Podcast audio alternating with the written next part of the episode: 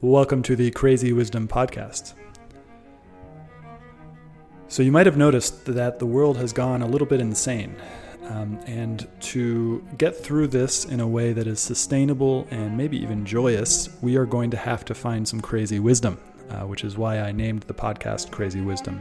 And I try to find guests who are both contrarian and right, uh, as well as people who can help us to understand how we can get through this period of both acceleration as technology accelerates and maybe even a little bit of darkness uh, as well as some of you may have been noticing really crazy stuff is happening right now. So um, my goal with this show is to empower you with crazy wisdom uh, and give you the tools to figure out how to do it on yourself because we don't can't rely on too much these days. Uh, so with that being said, if you like what I'm offering with this show, I'm on Twitter at Stuart Alsop III. My DMs are open. I'd love to hear from you about how this show has affected you. Thanks. Have a great day. Welcome to the Crazy Wisdom Podcast. Our guest today is Rodney Gaines.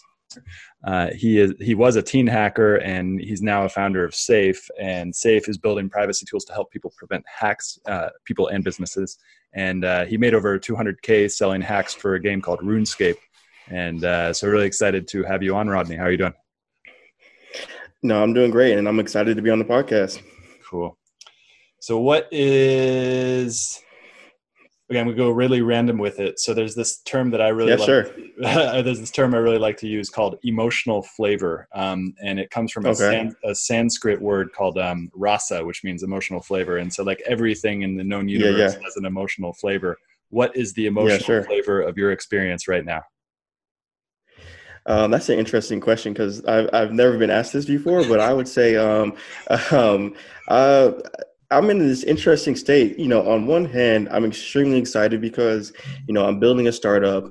Um, I'm currently, you know, uh, entrepreneurial residence at Upfront Ventures. Um, so, in, in, a lot of ways, my dreams are coming true. But, you know, on the other hand, you know, um, I'm seeing, you know, uh, everything else. So, mm-hmm. for example, COVID, but also the lockdowns, and um, you know, it, it so I, I feel strange. So, I guess my my emotional flavor is like, is is I'm excited, but I'm also just, kind of like um, just feeling strange about what the future holds um, as far as you know outside of just my success, but just in general. You know, so I just kind of feel a little, you know, a, a little bit of both. I, I would say. That's it's. I've got a similar thing going on because it is it's all my dreams have started to come true but it seems yeah. like my the external world the world that i look at on twitter and you know the world yeah. i see every day in my real life or not my real yeah. life but it's it's all like going crazy um yeah so i guess like mismatched vibes from um it, and it seems like we're entering into like the way i describe it is there is this time period in the axial age in like Greece in 400 BC, where all of a sudden everything just switched, and it didn't only happen in Greece; it happened everywhere, like in India, and all at the same time, where like new philosophies kind kind of started to create. But it was also a time of great change and transition, and it seems like we're yeah. going through that right now. What What do you think?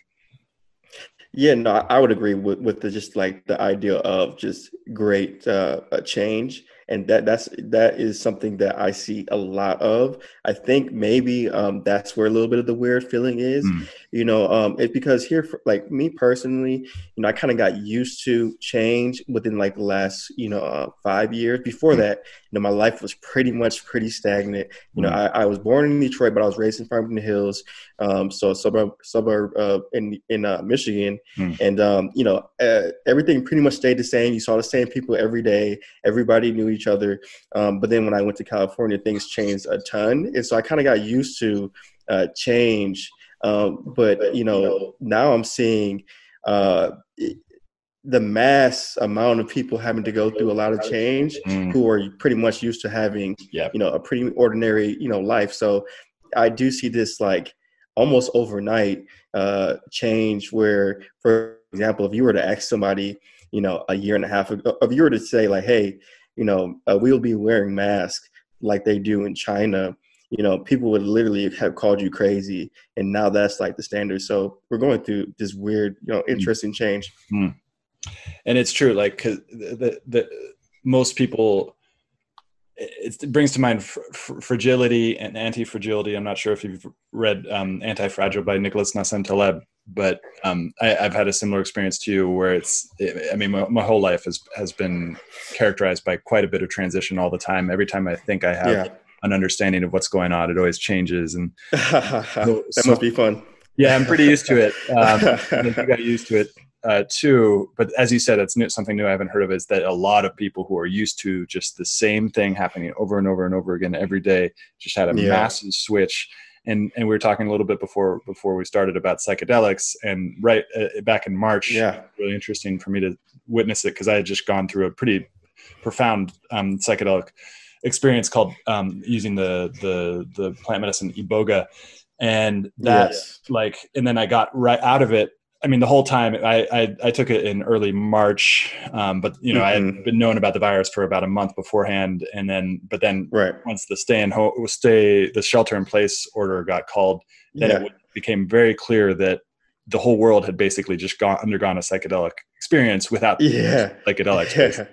Because yeah. that's what psychedelics do. They, they, they definitely screw with your default mode network so that you definitely like the rooms start to change colors and everything that you thought was stable sure. actually stable and for sure similar thing yeah for, for sure I, I think one i think you chose an interesting time to try uh iboga I, have read so much about that and i huh. think i may have heard about that from like tim ferriss i believe huh. um and um i'm i'm too uh, scared to try that right now but like one day i will um but i would say like um, you know, as far as like psychedelics in general, you know, I'm familiar with LSD and um, uh, shrooms as well, and I do think um, that has given me this. Um, eh, I do think that you know, because um, you know, before I was just saying, like I was pretty much lived an ordinary life in, in Michigan, and I, I was doing well for myself. But actually, one of the turning points did start with tab LSD. You know, I think literally, you know, I I tried LSD with um, uh, some friends in my my apartment at the time, and I literally I, I can't even describe it, but I just had so many different insights that I never would have thought of. Um, and um, literally two months later, I moved to the Bay Area. So I do think like I do think that had to that was like the the thing that like you know um, maybe uh, I I always was different from my environment. I would say considering the fact that I was a you know a young black kid that was a hacker in the suburbs, but you know, um, I would say like that kind of changed it to mm. another level, and uh, maybe that does have something to do with like how I'm seeing things now. Interesting. And how and what? Why did you move to the Bay Area, and and what happened there? Yeah, so I moved to the Bay Area uh, because I, I, desperately needed a change. You know, um, I think what what what happened for me was well, one, I I was chasing opportunity. You know, so I um you know being in tech, you know, um, I knew that if I wasn't in California or the Bay Area, I would basically m- be missing out. And before that, I was under this pretty much delusion that I could do everything that I can do in California, in Detroit. Mm. And that just turned out not to be true. So, you know, like, for example, you know, one of the first, you know, startups that I tried with my friends was it was an on-demand delivery uh, company where the premise of the of the startup was literally, um, you know, getting food or items delivered to you within less than an hour. Mm. And this was in 2013. Mm. And literally every single person in Michigan, or uh, besides the younger crowd, like the college students, they they literally asked us, why would anybody trust anybody to deliver food or deliver items to you? like why would anybody try that? And so obviously now we all use DoorDash, we all use Uber Eats. But I'm just, you know, saying that to paint a picture of, you know, just an environment where, you know, people are less open-minded and so you know i needed to go to california uh, specifically the bay area to kind of get a uh, you know different change in perspective. So when mm. i did that tab of lsd i think it kind of unlocked that you know that unlocked that. And then when i went to the bay i'm not gonna lie i definitely thought it was very strange. I thought it was very weird. I thought it was so weird. Um, i couldn't believe it. I really couldn't believe it. Um, and it was a culture shock within the united states. Yeah. Um, but it was uh, it was something that I I embraced, and it definitely changed my life in interesting ways.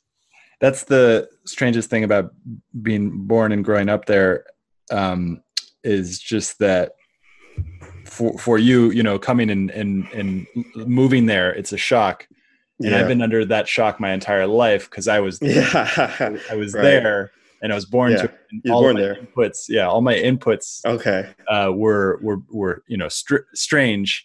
Um, yeah. but then, but then, but then, yeah. I also had access to TV and all these other things. And then, yes, you saw like, different things. Yeah, and it's not like everybody in the Bay Area is in the tech or into psychedelics or into, into sure. hippies and stuff. There's a large percentage sure. of people who just don't don't don't even mess with it. But just the yeah. the the um, the likelihood that you're going to run into somebody and then if you choose Higher. to do it like you chose to do it then you're you're yeah. you're definitely going to find it um, in yeah. a concentration that makes it also easier to find customers for your startup or also find yes but now yeah. now that we're here and now that you've you've gone there and you've done that and you've kind of built the network do you and now there's been a shift where like yeah. even were to go to san francisco right now mm-hmm. it mm-hmm. wouldn't even matter because you couldn't be able to see anybody in person because yes. they're, the, yeah. they're, the, craziest about the lockdown what do you That's think true. about how how has that changed your perspective on whether it's necessary to be there or not yeah, so um, so that's that's an interesting question. So what I would say is, um, so I was in the Bay for about a year and a half.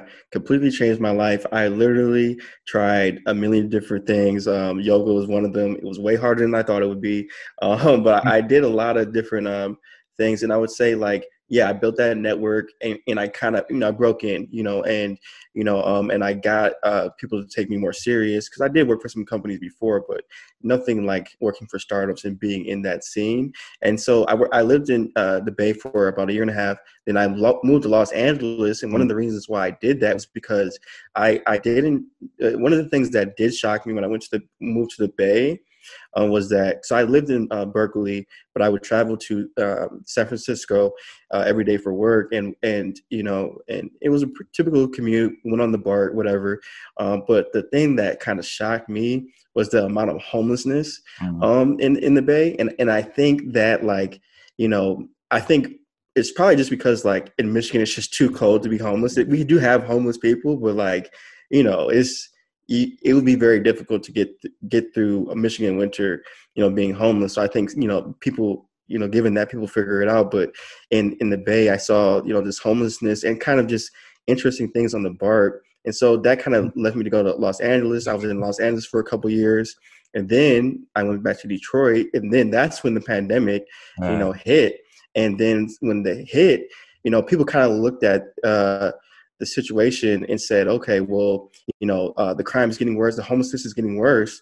But I'm not gonna lie, you know, part of my memory uh, of the Bay, because I was I was I worked on Mission Street, um, was I remember going to work one day and I was like, I'm like, yo, like, are, are like are there police outside? Like, what, what's what's going on? Because like there, there, I, I remember walking past a police car and um, and I'm not like some guy that thinks that a police needs to be everywhere. Like I come from Michigan, where it's police around every corner, and they are trying to get you in trouble. Huh. So you know, to, to go to the opposite end, where you know I'm seeing people deal drugs in front of police officers and steal from Walgreens, I'm just like shocked. And so I'm asking like the you know people that that work at my job, and they are like they're like they're like they just laugh. They're like, yeah, yeah, that's just how it is and so and, and and I just couldn't believe it. And um, I wasn't scared, but I was like, this is different.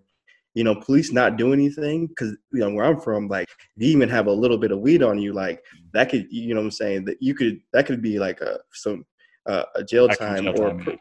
yeah, exactly. So with the pandemic and everything, it does feel like the crime like it doesn't surprise me that the crime is going up mm. um, it doesn't surprise me that um, a few things are happening as far as homelessness i'm not saying that it's completely terrible because i don't live there right now um, but those are just some of the things that i've heard um, some of the people that i know are, are leaving i would say that it's an interesting time i would say um, this zoom like hmm. culture mm. of, of doing work does benefit a lot of people i will say that hmm. because um, uh, because you can do pretty much everything right now uh, without being there.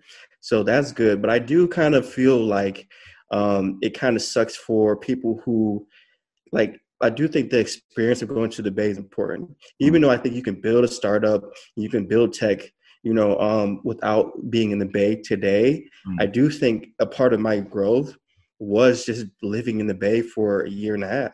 You know, like I, you know, this goes into the emotional flavor question I was asking before because yeah. there's certain things that you know we, we, like we, think that we're aware of everything that's happening, but really we're only right. aware of like a little slice of what's happening in the For entire sure. the entire context of the situation. And there are some For things sure. that happen once we actually go to somewhere and like live yeah. there. And I and I, I know sure. this very well right now.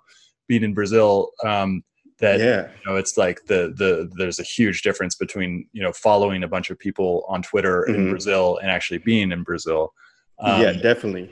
And definitely. and so then so it's interesting um, that emotional flavor bit and and there's there's mm-hmm. a, there's this there's a few purposes that San Francisco that ecosystem served because uh, it wasn't only to start a company but it was also to mm-hmm. go there and as as you know just coming out of college go to this mm-hmm. go to mm-hmm. San Francisco um, get a yeah. job at a bigger tech company kind of build your network yeah definitely kind of like a post college mm-hmm. thing that you do in order to, yeah. to kind of if you don't have a network you break into it and that doesn't exist anymore mm-hmm um, I still I think I think you can recreate it by essentially starting a podcast um, and mm-hmm. uh, and reaching out to people who are interested, not to get viewers sure. or to just to learn. Yeah, to learn and to build a network and maybe get a job at a remote company and kind of yeah you know, get a good job at GitLab. GitLab would be the best the best under the best kind of company if you're looking to break into San Francisco in this or break into tech now. Now that tech has become decentralized from San Francisco itself. Yeah. Like GitLab would be a Definitely. great company to go try to find a job at.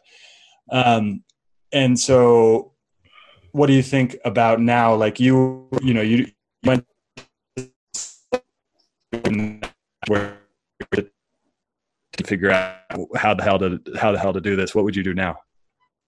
Uh, can you repeat that one more time? It broke up a little bit. Sure. Imagine it in the same position six years ago when you first went to the Bay, it took the mm-hmm. acid, oh, right, right. broke apart your your understanding of what was real. And yeah. what would you do right now to recreate that same situation um, if you were in yeah. five years?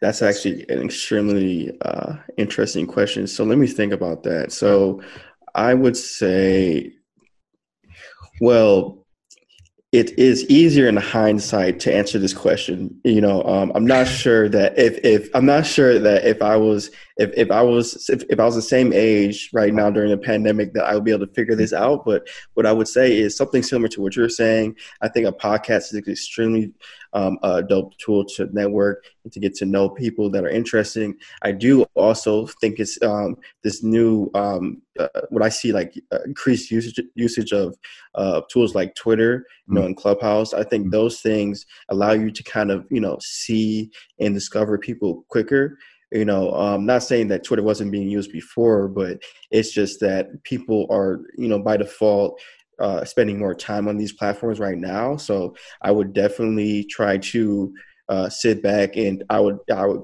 first i would start with some of the initial people that i see and then i would try to see like who do they interact with you know um, who do they follow and then try to see like who do they follow that's interesting to me who do they interact that's interesting to me. And then i would just send cold emails because even when i came to um, the, the, the, bay area a part of a lot of my networking uh, especially in los angeles i mean when i got my job at bird i literally just emailed you know travis who's the ceo of bird and and and that led me to get a job. Even the upfront ventures thing that i'm doing right now came from cold emails and those things just started off from really just me um, just knowing um, who who's inf- influential and who's building something. And so I think if you can figure out, you know, um, I would say to my, if I were to do that now, I'll just try to figure out who's influential that I'm interested in, and also people who have common interest, mm. you know, and then try to reach out to those people. And if you can't get like, you know, get through through cold emails, then what I would do is I would try to know use linkedin and then try to see who's close to those people and maybe you know somebody that's friends with those people. And then um yeah and then and then you can get it you can get further in. But i do think also getting a job like you said like gitlab or something else getting a job is is is a really strong tool because you just build you know a lot of people you know know each other. So mm. you know getting a job is, is an easier way. And also it adds to your credibility. So what i would do is i would get a job remote i would get a remote job that's um mm. that's that's probably based in like you know um SF. Let's say it was based in SF. I get a remote job, and then I would uh yeah, I'll start from there and then start doing networking. Hmm. It's a really interesting point you bring up about you could just email uh, founders, and it's so fascinating because just yeah. like most people never ask, and it is hard, you know, yeah. particularly when you're younger. Um, yeah, realize that like mm-hmm. that the thing that you think is going to happen from asking people mm-hmm. never ever mm-hmm. happens it, like, yeah no it doesn't yeah you just think they're going to snap on you and just tell you never to hit them up again yeah, yeah. but that never happens and they all appreciate it they all appreciate yeah. that somebody's yeah. out to them and they're open and that's that's the most interesting thing i learned is and, and they're not open because they're they're they're altruistic i mean some of them are open because they are altruistic but it's not mm-hmm. but they're most people are open because they found it to be of mm-hmm. value in the business world for sure what do you think about that? what do you think about the value of being open in mm-hmm. this world, particularly now as a founder? Yeah, I think that's so important. I think people don't realize how open some of these prominent people are you know um, i even I, I mean I, am not going to you know name drop these people but just some of the people that i've met you know um, you would think that they're so busy um, and they have you know and they are busy people but they are you know you send a, a, quick note and introduce yourself and and then you know maybe like for me what i always do is usually what happens what triggers me to send you know reach out to people is like i'll be maybe watching like some content like on youtube mm-hmm. and maybe they're like in being interviewed and um, you know, and something usually will happen where they'll mention something and and it'll be relatable to my life, mm. and that will usually be like the trigger for me to like reach out to somebody is if you know something that they said or talk about is relatable, and I'll reach out. And I think that um, you know it, it's so it is important from the business aspect just to be open and like you said like most of these people yeah they have some altruistic qualities but it's from a business standpoint you just never know um, you just never know the opportunities that will come to you. So I think that's another thing there too. So I think people don't realize that. I've tried to tell as many of my friends as possible, send more emails, send more emails. It's literally changed my life. Um, and um, I wouldn't even be here today um, if I wasn't sending emails. And I had to get used to asking questions and and and, and um, you know uh, embracing rejection. But I never I never really got rejected. so I would just say, you know, I would, I would just say like send an email. And also, before the one thing I really will say um, is that people have to think about it like this too. You know, when you have like, let's say you open up Gmail, right? And you are getting an email from a spammer, right? Say that say they're a spammer, right? You may see it. Um, you might think about it for two seconds. You delete it, might archive it, and you will never think about that email again right? So whenever you're emailing somebody, don't feel like you're going to spend all day thinking about your email or, how terrible it was because they're really not going to even think about it. They're going to see in the email, they're either going to reply or they're going to see it, delete it, archive it, and completely forget it ever happened. You know, so I think when you think about like that, the rejection uh, fears go way lower. Yeah, uh, it, you just reminded me of some of the horrible emails that I've sent in the past. Yeah. One of which one of which was to Tony Hsieh. I emailed. Yeah. I went. I went and stayed at the the downtown project. Um, yeah. Vegas, and I stayed in mm. the apartment building. I rented a U-Haul. I was I was okay. experiencing the van life. I wanted to experience van yeah. life, but I didn't actually want to buy a van, mm-hmm. so I just rented a U-Haul. Right. I asked, yeah, okay. I asked him if I could park it in his parking lot um, because he, yeah. he had he had the, do you know the downtown project do you know are you familiar with it no i'm not familiar so it, no. uh, tony hsieh he recently passed away um, in pretty crazy mm. circumstances but he was the ceo of um, of a company called zappos and zappos was bought by amazon right right so Tony. I remember that founder. I do remember Tony as a founder. Yes. And so he he basically invested a whole bunch of money in a rundown part of Las Vegas called the downtown area. Um, yeah. Downtown project. Yeah. And so I, I went there with this U-Haul idea. Um, yeah. And, uh, I remember sending him this, something was, was, I, I, I, had some feedback, but I ended up sending mm. him like a four page letter. Um, oh, really? just like the longest, strangest crazy uh, thing. I should yeah. go find that. Um, just, but, you just uh, dumped out all your thoughts. yeah, exactly. And it's just like, that, that was when I was younger. So like I, I would just like yeah. send really, really long emails to people that were yeah. totally awkward and like I'm yeah. sure they, they, thought about it. What is going on? But I don't have time to, to do this in depth whatsoever. Uh, exactly. And it took me a really, really long time to figure out that like how mm-hmm. short and and like the key is I don't mm-hmm. I think want anything from the other person too. Um, it's more about right, establishing right. a relationship. And so, yeah. like a short three sentence email, oh, oh, I really like this, or like yeah. a question that's about an interest that's yeah. not related to, oh, can I have this job? Although, although sometimes it's really good to be upfront and be like, this is this is why I'm contacting you. I think I could be really, really helpful for you in this particular thing. Yeah. What do you think? Yeah, about definitely. That? What do you think about the difference between um, uh, uh, like being upfront with somebody that you want something mm-hmm. from them, or establishing mm-hmm. a relationship? Like, what do you think the line is there? Mm-hmm. Yeah, I, I think, um, and, and, I have this conversation all the time, um, especially with people from, you know, um, Detroit, because they find that they have to often, you know, uh, for example, with fundraising, they have to, you know, fundraise outside of the city. There's not that many mm-hmm. funds in the city, mm-hmm. and so they have they often have to, you know, uh, build connections, but they, you know, they want to pitch, so they have to ask about that. But I would say, like, um, you know, um, in my case, you know. You know, me reading an article literally from Tristan Walker, a guy who a CEO that made Walker and Co. Um, and he showed how you know how short the email should be, and I think that um, I think that being direct with asks, there's nothing wrong with that. I think people um, would appreciate that. There's been times that I've been pretty direct, but I, but what I usually do, um, and this is something that I do, um, is that um, I will email somebody and I would usually the last like I'll, I'll do two to three sentences usually about two. So uh, like for example I'll say you know um, hey I'm uh, hey um, hope all is how are you? Hope all is well.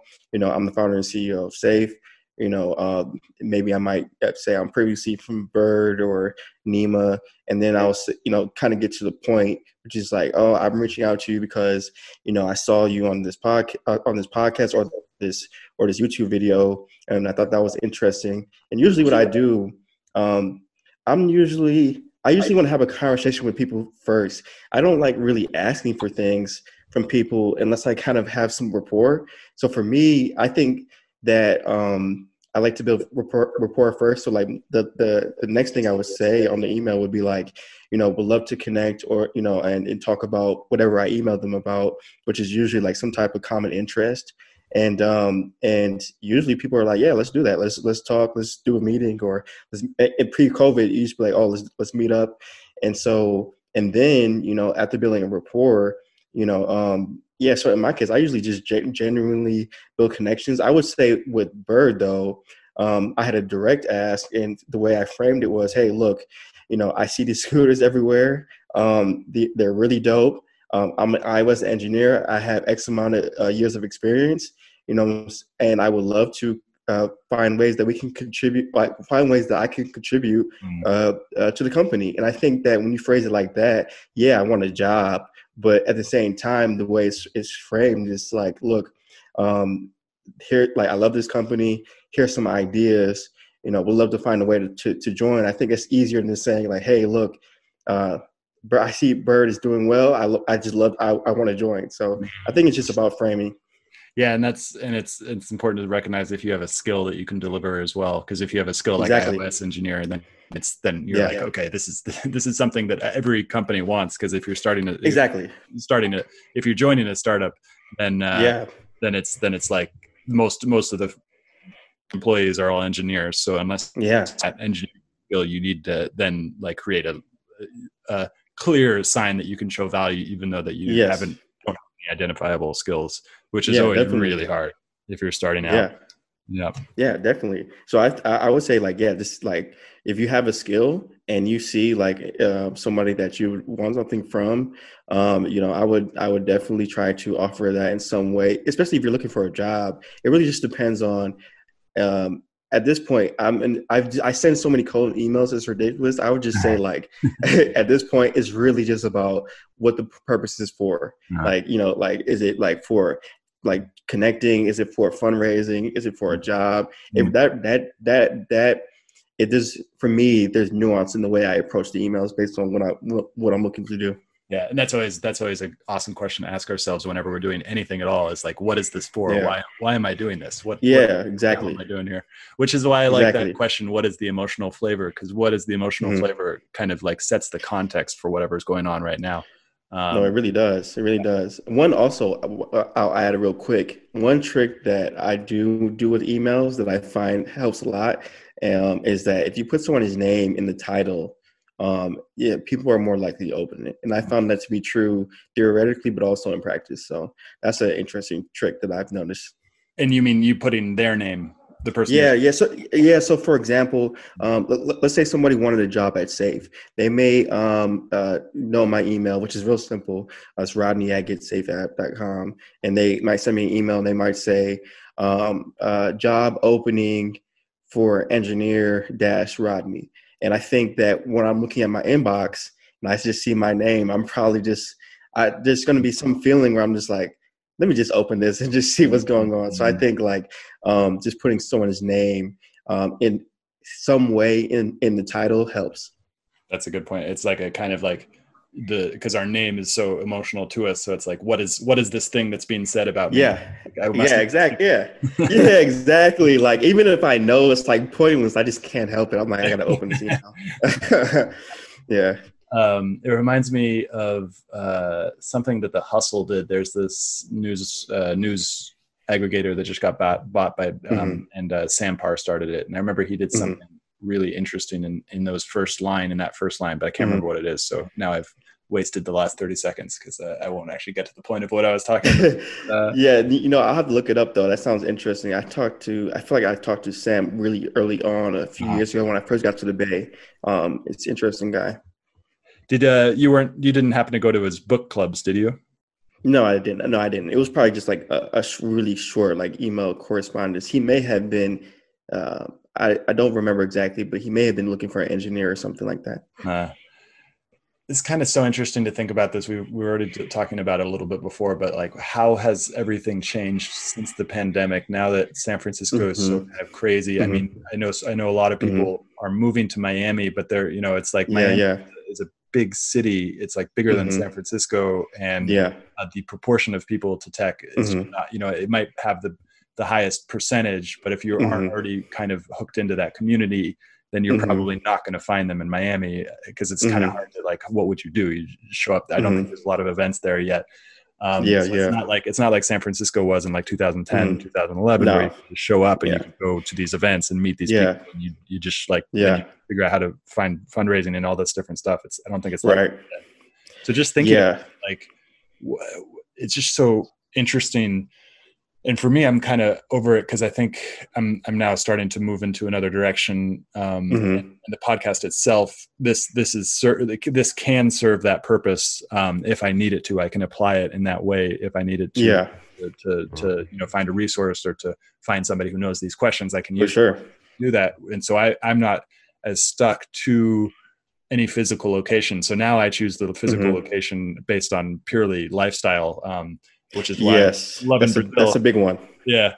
Um, and so you starting a company now you're you're starting mm-hmm. this company how are you thinking about this question in terms of hiring people where are you guys at what are you what's the state how what's the emotional flavor of your company right now yeah for sure um, yeah man uh, it's interesting because really technically today we just uh, started um, you know one of our fundraising uh, our fundraising process. You know, we're doing a seed round, and you know, we we've been getting support from upfront, um, but also, you know, um, it, it's it's I would say like the emotional flavor around it. is um is very exciting. I think that's where the excitement is coming from for me. Um, is that you know, um, yeah, we're fundraising. We have a good amount of money committed, more than I than, than I than I initially imagined, and so you know, it's I, I'm getting to the point where you know, I literally just like maybe an hour ago, somebody just asked me something similar to this about like how am I thinking about hiring? Because you know, uh, when we finish this fundraising, we are going to uh, truly have to figure out how we're going to approach things. You know, so I'm thinking about um, where I'm going to go next. Here's what I did. You know, um, uh, before, so I'm in Detroit right now, but you know, um, uh, the past three months I was traveling. So the first month I was in Vegas, uh, and and it was great. So I was in Vegas for a month. Prices were cheaper. Obviously, weather was amazing. It was like halfway lockdown. Um, but we mostly, you know, I was just with some friends and we we rented a house on Airbnb. Mm-hmm. Um, the next place we went to was Houston. Um, uh, Houston's pretty nice. Uh, weather wasn't as good as Vegas, but Houston is great. Way lower prices, a lot more space. That hmm. was cool. Um, next place we went to was Atlanta, um, and uh, Atlanta was cool. Was colder. It's a little bit like uh, Detroit in that way, not hmm. fully because Detroit's extremely cold. Um, and um, and Atlanta was cool. Um, and and here's the thing. So you know, the next place we were going to go to was Miami. And it wasn't really because of tech. I think it was what you're talking about, which is lifestyle, which is the reason we started traveling to begin with, was because, you know, for example, in a previous life before COVID, when you were building a company, um, let's say I was like in Los Angeles, right? Or the Bay, you know, you would just be naturally meeting a lot of people you know, um, you would naturally be meeting a lot of people. You would naturally kind of be outside, um, and you know, you would have that kind of uh, feel to it. So traveling kind of inspired that. And now, when I'm thinking about going forward, I'm like, okay, well, you know, when we close this round, which won't be that long, um, you know, where we're going to be. And I, I, I'll say right now, I do want to have um, uh, uh, a presence in Detroit, hmm. but you know, I think that that we probably want to be where where essentially where the hype is at you know and and really just because even though some people have an aversion to hype there are a lot of things that that do you get a benefit out of which is for example mm-hmm. just people just going there you know like, like there's no other place right now that you could really network in the way that Miami's kind of positioning itself. Yeah. Now here's mm-hmm. what I, here's what I would say. I got my inspiration um, to even really travel um, when I first went to Miami. Um, and this is before the Bay Area. When I first went to Miami, I had a friend that was building a company out there. There wasn't that many people out there, but it was a small tech scene. This was around 2015, you know. And so, what, what I see happening with this pandemic is that they are, in a lot of ways, using this as an opportunity to expand on the smaller tech community that they already had that many people didn't know about. Mm-hmm. And so there's already this community that people didn't know about. Um, at least based on my conversations, most people didn't know there was a Miami tech scene. Um, now that there's a pandemic and you know Miami's open, you know, pretty much, I think they're using Miami's using that as an opportunity to say, hey, look, you know, the lifestyle is way better. Hmm. We have a tech scene. Um, it's not that big. We know that, but we're investing a lot into it. They get SoftBank on board, you know, $100 million and hmm. all these other funds. And so I think that uh, for me, Miami is a top choice, but also Atlanta. You said something about hype. I want to talk about. I also want to talk about um, mm. Miami sure. in the context of Latin America. Uh, let's talk about hype uh, first. Uh, yeah. you, said, you said something really interesting, which is that uh, it's important to be aware of hype. Mm-hmm. It's also so as a founder, it's really important to be able to manage hype and maybe yeah. even leverage hype. Um, yeah, for sure. But, but at the same time, fall under hype. And why I think I remember it being described as not buy into your own story. To weave yeah. the story, you have to you have to get people on board. There's the, but for you sure. also can't believe that the story is actuality as well because yeah. it never is. The stories can't ever, um, yeah, be fully. Yeah, they can't rep- reply represent reality. It's it's just yeah. not not possible, and it's not it's not about being or not being in integrity because it's important mm-hmm. to be mm-hmm. in t- integrity as well. But we're all, all yeah. essentially like fat fallible. What do For you think sure. about that? Um, so I, I think that um, uh, so you, like in the context of just like hype and just not falling into like you know uh, drinking your own Kool-Aid is that yeah, what you're asking? Exactly. yeah, yeah. yeah, yeah. I think um, I, I, here's what I would say. Right. Um, you know, I came from the, so before Safe.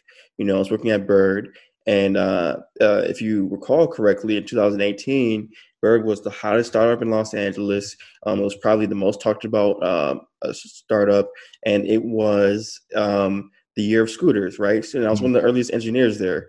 And so what I would say is, is that at least in my case, um, you know, that taught me a lot about hype, I would say. Like, you know, like um, we rose like maybe $400 million in one year. And so, you know, I got to see the power of hype, but I also saw the downsides of it. Mm-hmm. Now, without, you know, going too deep into it, what I would say is now, you know, when I look at like Miami and Atlanta, and Miami has the most hype, I would say. Atlanta's bringing some more hype. Mm-hmm. What I can see is people are seeing this as an opportunity to kind of like to, to change the, like the the uh, um, the board a little bit, uh-huh. you know, because SF was like the place. Um, and um, and so what I would say is like to what you were saying a little bit, which is like understanding the hype, and, and then you know um, making sure that you don't drink your own Kool Aid. For me, I think it's a little bit easier because I think if you were to talk to me in 2018, I was drinking a lot of Kool Aid. You, know you know what I'm saying? So I would say, like, for me, I find it a little bit easier to kind of stay away from like drinking my own Kool Aid because you know the reality of the situation is you know um, Bird would probably do well in the long term, but you know um, the outcome was supposed to be way larger than it was. Yeah. So you know, given that you know it, when I came back to Detroit, I reflected on that a lot. So when I think about Miami or any other place that I'm going to in the in the future, I say, okay, there's hype there. That's cool. Um, and but mm. what I see it as is like more like an opportunity to leverage it, and and and not for me to get caught up in it, um, but more so take advantage of the fact that you know there's probably a lot of uh, good talent that's going over there that's smart, uh, young, but then also um, you know looking to network and whatnot. That's so it's basically recognize that there is hype, but without making any conclusions about that hype. Yeah. Uh, and that's funny because yeah, I've, exactly, yeah. exactly. Mm. So I've been, I've been. Brazil has a lot of hype. I, well, what do you think? What, what when I say mm-hmm. Brazil, what comes to mind? Mm-hmm. I think for me, when it comes to mind, this it seems like one of those obvious places where it's like it, lifestyle must be great. I just assume I just assume that uh, that Brazil has a great lifestyle. Honestly, I haven't heard much hype about it. I just already I just automatically assume it has a good lifestyle. well, that's I mean that is, that is and and and it is true. I mean. That, uh, yeah. as long as long as you're you're part of the middle or upper class because uh, but right. no even actually right. even even actually even actually like in inside the favela, favela mm-hmm. and people are like people feel it feels like mm-hmm. people are happy here like that's awesome circumstances people being dancing and like everybody's mm-hmm. outside all the time um so the yeah. lifestyle is is there is a it is just like a place yeah and uh, uh but there is really intense i don't want to downside that but um but uh mm-hmm. um uh and but so it seems like brazil has a lot of has a grand uh, um, like people don't Brazil. That sounds like fun, interesting, and maybe exotic, kind of like that. Um, so, Janeiro, that's like. Do you know anything about Rio de Janeiro? What what happens when I say Rio? Um, I don't know much about uh, that, um, but it sounds interesting. I would say that is it. Is it a nice place to live? It sounds like it, well, it it's, it's, the name, name sounds exotic. So. It, it is like a beautiful. It is it, San Francisco in terms of its beauty. At the mm. top of it, I would say that Rio de Janeiro is even more beautiful than San Francisco. I, I mean, okay. I'm not talking about Soma. I'm talking about like yeah. beautiful beaches, beautiful redwoods, all those. Yeah. Like Rio is magically beautiful city but it's also one of the hardest cities to live in. Um, just Interesting. Intense well, why is that? Uh, the intense oh. crime, like like ah, very very intense. Um, uh, and and the, except for the inner part of the city that's right next to the beach, the actual city city part is really oh I see ugly. Um, I see. I see. Uh, so it's it's a really intense place, um, mm-hmm. but that intensity makes it fun, particularly when you're younger. And so when I was younger, I was for sure I lived there for nine months, and it was really interesting and beautiful. Yeah, and learned a lot.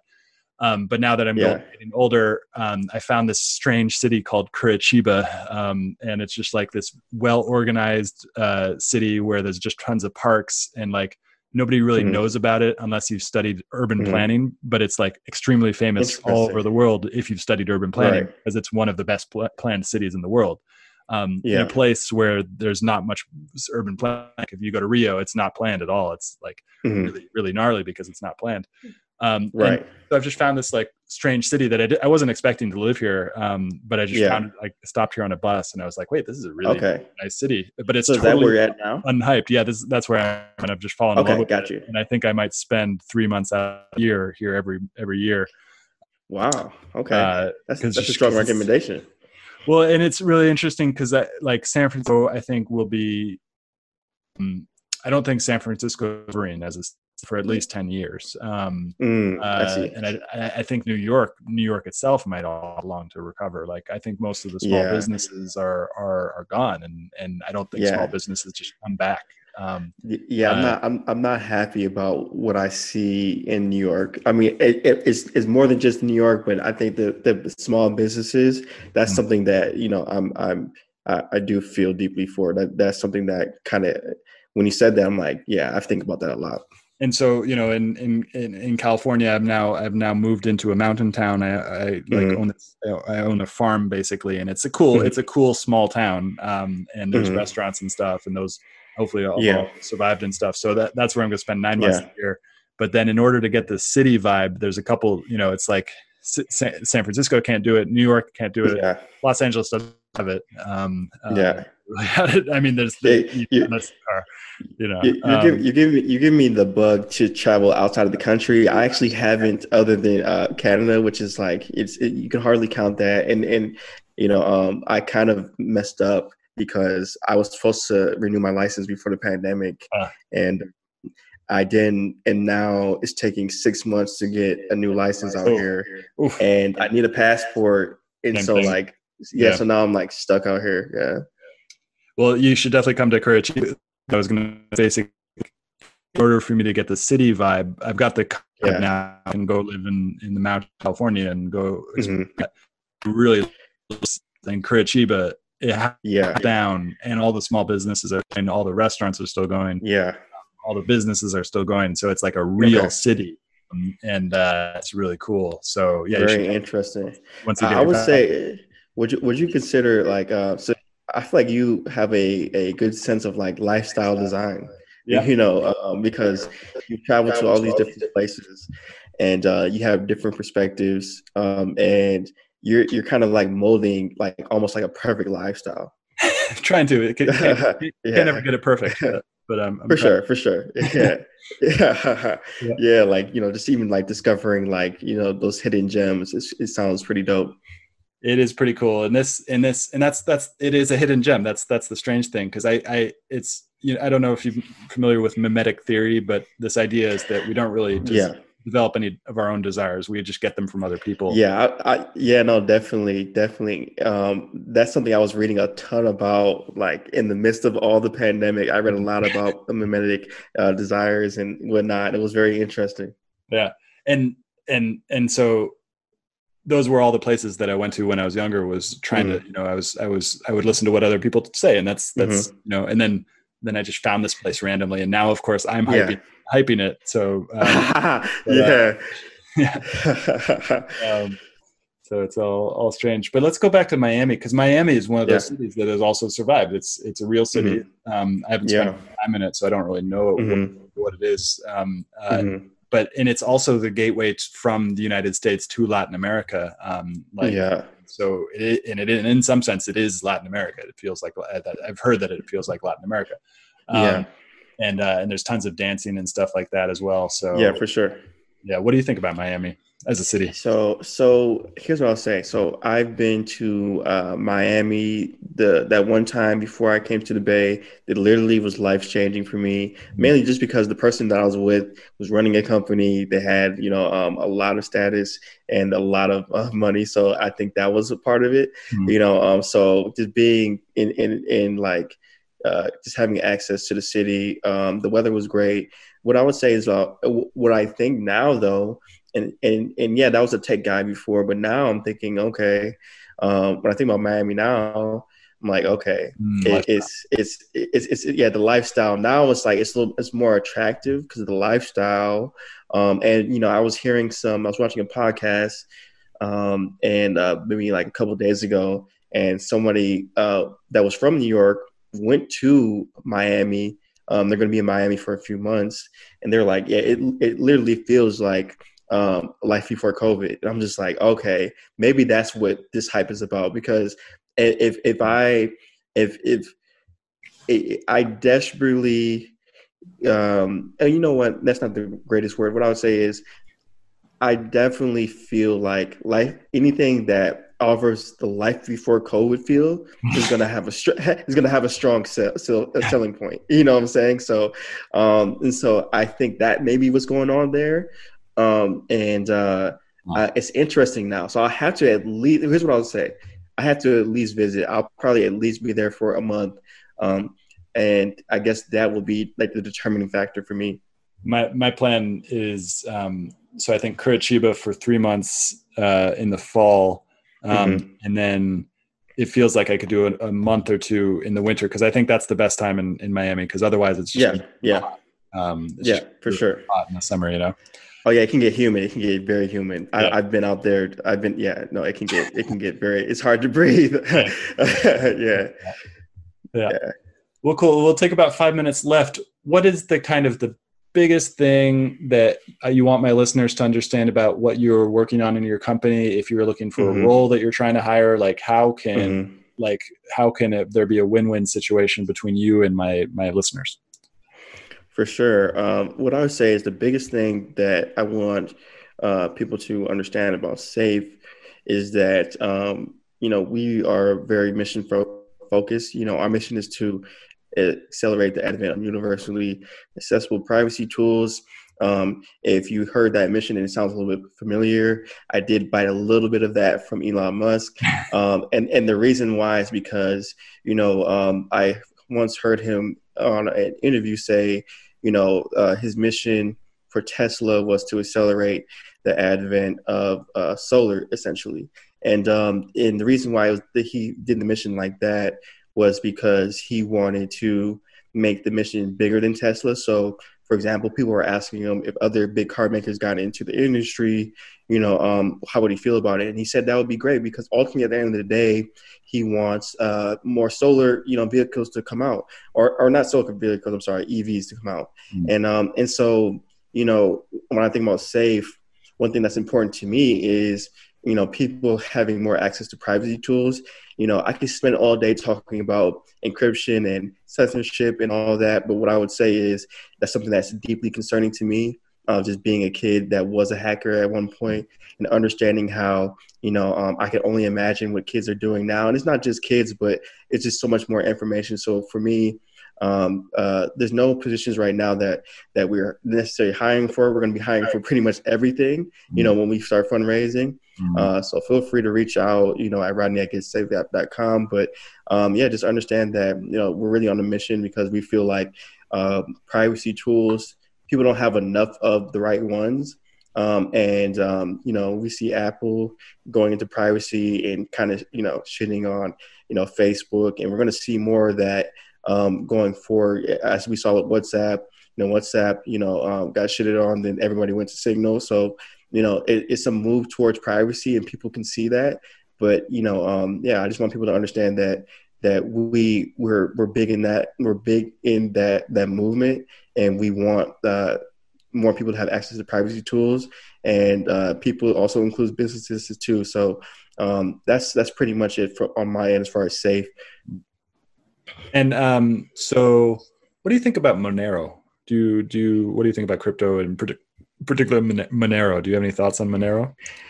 So I don't have that many thoughts on Monero. Either other than that, I'm pretty sure that it's like a it, it's probably a privacy uh, focused uh, crypto. I think. Yeah, it's um, a I, I, crypto. It's but it's fine. Yeah, yeah. Like I I I I have some. Hopefully, yeah, you have some. Okay. Well, maybe I shouldn't say it.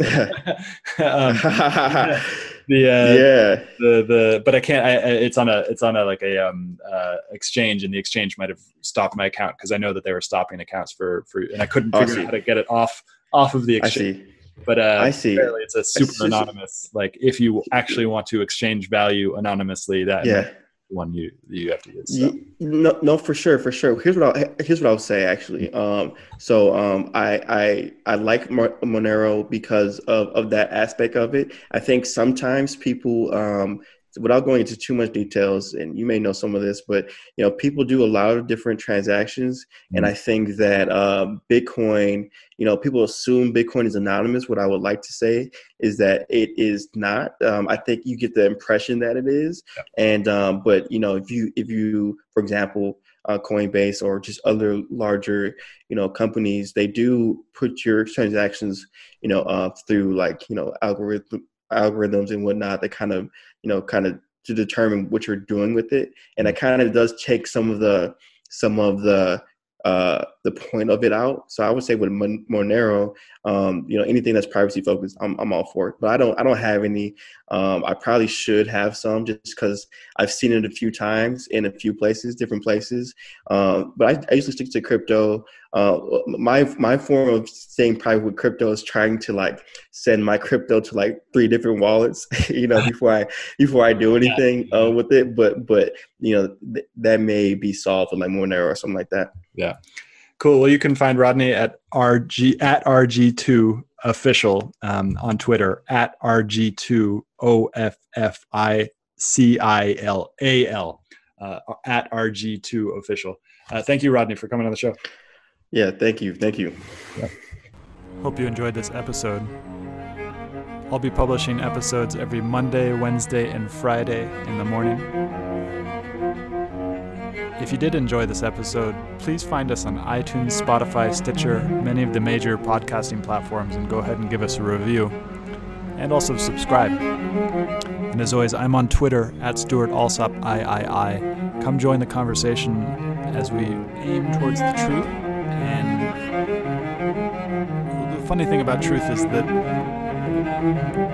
you can't really put it into words because every time you put the truth into words, you create a linear narrative out of something that is nonlinear. The truth is nonlinear. It's not. It's. It's. If you really recognize the truth right now, your mind wouldn't know what to do. It'd be overwhelmed by beauty, and pain, or it's. It's something that is beyond our linguistic capability to represent but that doesn't mean that the language isn't helpful. Language can point us in the direct right direction, but it's it's not it's not the truth itself. And so come join this collective inquiry into the truth. Find me on Twitter at Stewart Alsop III. Uh, subscribe to the podcast. Share the podcast with your friends. Uh, most people don't have the ability to let go of this linguistic understanding of the way that the world works and just aim for the truth, regardless of what the language tells us. Uh, and so I think what I'm doing with this the show is is necessary for us because as we enter this stage of uncertainty, uh, and we are most definitely entering an age of uncertainty, and as we do, it's really really important that we stop paying attention to what the mind is telling us all the time doesn't mean to say that the mind doesn't have its place. The mind obviously has its place, but it's just one of the senses. It's just one of the tools that we can use. We can use the mind, we can use the feelings, we can use our actual senses. Uh, we can check our intuition with other people because sometimes the intuition tells us the wrong thing as well. Sometimes the intuition is wrong. So it, we can't we can't rely on any one tool to get us there. So come join the show. Find us on iTunes. Find us on Twitter at Stewart Alsop III, uh, and come join the, this inquiry for truth.